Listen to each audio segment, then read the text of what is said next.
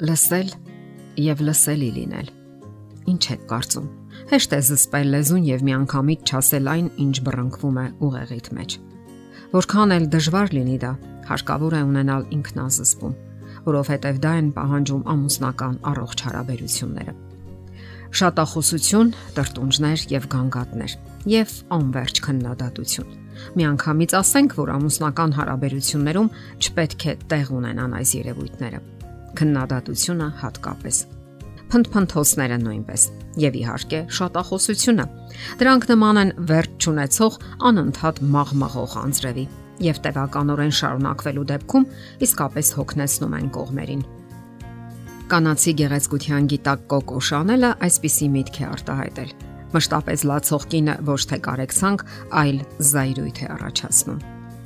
Այո, դրանք ընդունակ են սپانելու ամենալավագույն զգացումներն ու մղումներն անգամ։ Սողոմոնի մաստունը, տրտունջներն ու փնփնթոցները համեմատում է ծլծլացող անձրևի հետ։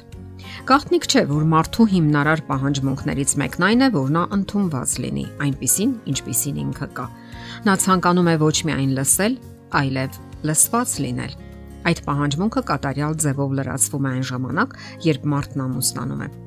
Իսկ երբ մարդը բախվում է անըմբռնողության եւ տեսնում է, որ իրեն չեն ընդունում, դա վիրավորում է նրա ինքնագնահատականը եւ դիմադրություն առաջացնում։ Նա սկսում է դիմադրել, որի առաջին պաշտպանողական գիծը կարող է լինել հարցակումը։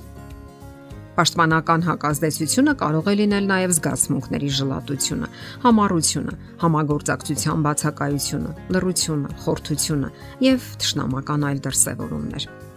Եվ որքան շատ է ամուսիններից մեկը փնփնթում, բողոքում կամ քննադատում դիմացինին, այնքան մեծանում է մյուսի դիմադրությունը շատախոսությունը նույնպես կարող է առաջացնել հիմնախնդիրներ, որովհետև հարցերը լուծվում են ոչ թե լեզվի միջոցով, այլ միմյանց հասկանալով, դիմացինին ընդունելով։ Չընդունված մարդը կարող է նույնիսկ իր ժամանակն անցկасնել դրսում, այնպիսի մեկի գրկում, ով իրեն ընդունում է եւ սիրում այնպիսին, ինչպիսին ինքը կա Ահա թե որ խնդիրներն են շատ դավաճանությունների հիմքում։ Թեև սա արդարացում չէ եւ շատ դավաճանողներ հենց նման մի պատճառի են սпасում իրենց մղումներն արդարացնելու համար։ Շատախոսությունը հարաբերություններ parzելու լավագույն ուղին չէ։ Կարևոր է հաշվի առնել, որ լեզուն սանձահարել է պետք։ Մարդիկ փոխվում են այն ժամանակ, երբ իրենք են ցանկանում։ Նաև հարկավոր է յուրաքանչյուրը այսպիսի մի հարց տա իրեն. Իսկ արժե թափել այդ ջանքերը, եթե արդյունքում լարվածություն եւ թշնամություն է թակավորելու ընտանիքում։ Որքանով է դա ճիշտ եւ խելամիտ, որ մեր դիմացինը անպայման համապատասխանի մեր պատկերացումներին։ Արդյոք նա պարտավոր է մտածել հենց մեր նման եւ որքանով ենք մենք վստահ, որ հենց մեր դիրքորոշումն է ճիշտը։ Չէ որ որպես շարքային մարդ մենք էլ ենք սխալական եւ սահմանափակ ենք մեր ընտունակությունների ու պատկերացումների մեջ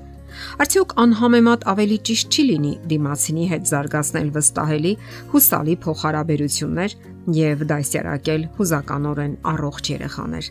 Եվ այդ ամենն անել ոչ թե անverջ խոսքերի օգնությամբ, այլ միմյանց հասկանալով։ Նույն Կոկո Շանելը այսպիսի միտք է արտահայտել. Զսպիր քեզ, երբ վիրավորված ես, եւ տեսարան մի սարքիր, երբ ցավեցրել են։ Ահա իդեալական կնոջ գաղտնիքը։ Երբ դուք նոր եք ամուսնանում, ուրիշ պատկերացումներ ունեիք հարաբերությունների եւ զույգ հասկացության մասին։ Դուք մտածում եք, որ երբեք չեք բաժանվի միմյանցից։ Ծայրահեղ դեպքում մի 3 օրով։ Դուք մտածում եք սովորել սիրո լեզուն, հասկանալ դիմացինին, լինել ներդաշնակ։ Սակայն իմացեք եւ հաշիվ տվեք ձեզ, որ դրանցից մի մասը հնարավոր է երբեք էլ իրականություն չդառնա։ Կոլումբիայի համալսարանի պրոֆեսոր, սեռաբան եւ ընտանեկան թերապևտ Լորել Ստեյնբեքը գրում է. Ոչ մի սարսափելի բան չկա, սակայն դրա փոխարեն ձեր սպասումներից մի քանիսը դուք կգերակատարեք։ Այսպիսի հարց տվեք ձեզ. ով է վերջապես այս բոլորի մեղավորը։ Հնարավոր է հենց մենք։ Իսկ ինչու ենք ցանկանում փոխել դիմացինին, որpիսի ավելի լավը դառնա, թե ավելի կատարյալ Սակայն ով է սահմանել կատարյալի չափանիշը։ Մենք, թե հենց մեր կողքինը, ով ինքն էլ ունի իր չափանիշները։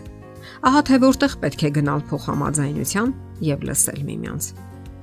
Իսկ բոլոր հոգեբանները միաձայն պնդում են, որ մենք պետք է փոխենք մեզ, այլ ոչ թե դիմացինին, որ պարզապես հնարավոր չէ փոխել ուրիշ որևէ մեկին բացի մեզանից։ Հեշտ է պահանջել դիմացինից այն, ինչ մենք չենք անում։ Հիշենք Աստվածաշնչյան հրաշալի խորհուրդն այն մարդկանց համար, ովքեր մղում ունեն կատարելագործելու մերձավորին։ Կեղծավոր, առաջ քո աչքից գերանը հանիր եւ հետո կնայես քո եղբոր աչքից շուղը հանելու։ Պետք է գիտակցել, որ ուրիշին քննադատելու, վերափոխելու փորձերի տակ մենք դրթապաճառ է թաքնված։ Մենք նվաստացնում ենք մյուսներին այն պատճառով, որpիսի թաքցնենք անլիարժեքության սեփական զգացումը։ Ցածրացնելով ուրիշների արժեքը եւ արժանինքները, մենք փորձում ենք բարձրացնել կամ սատարել մեր սեփական երերուն ու անկայուն ինքնագնահատականը ուրիշներին նվազեցնելը, նվաստացնելն ու քննադատելը միայն ապացուցում է, որ մենք անznական ինքնահարգանք չունենք։ Առողջ ինքնագնահատական ունեցող մարդը հասկանում է, որ դիմացինին քննադատելը առողջ փոխհարաբերություններ ունենալու լավագույն ճանապարհը չէ։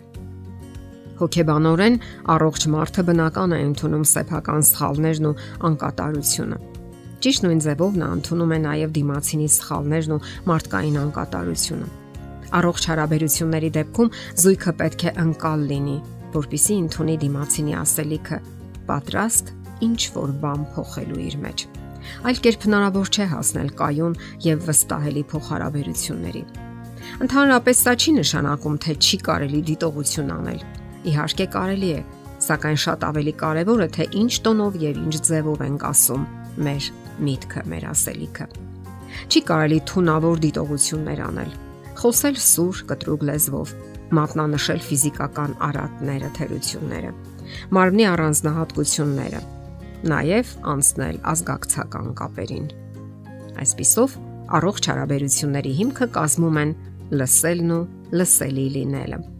Լսել, թե ինչ է ասում դիմացինը, սա պետք է լինի երկկողմանի որոշում։ Եթերում ընտանիք հաղորդաշարներ։ Ձեզ հետ է Գեղեցիկ Մարտիրոսյանը։ Հարցերի եւ առաջարկությունների համար զանգահարել 033 87 87 87 հեռախոսահամարով։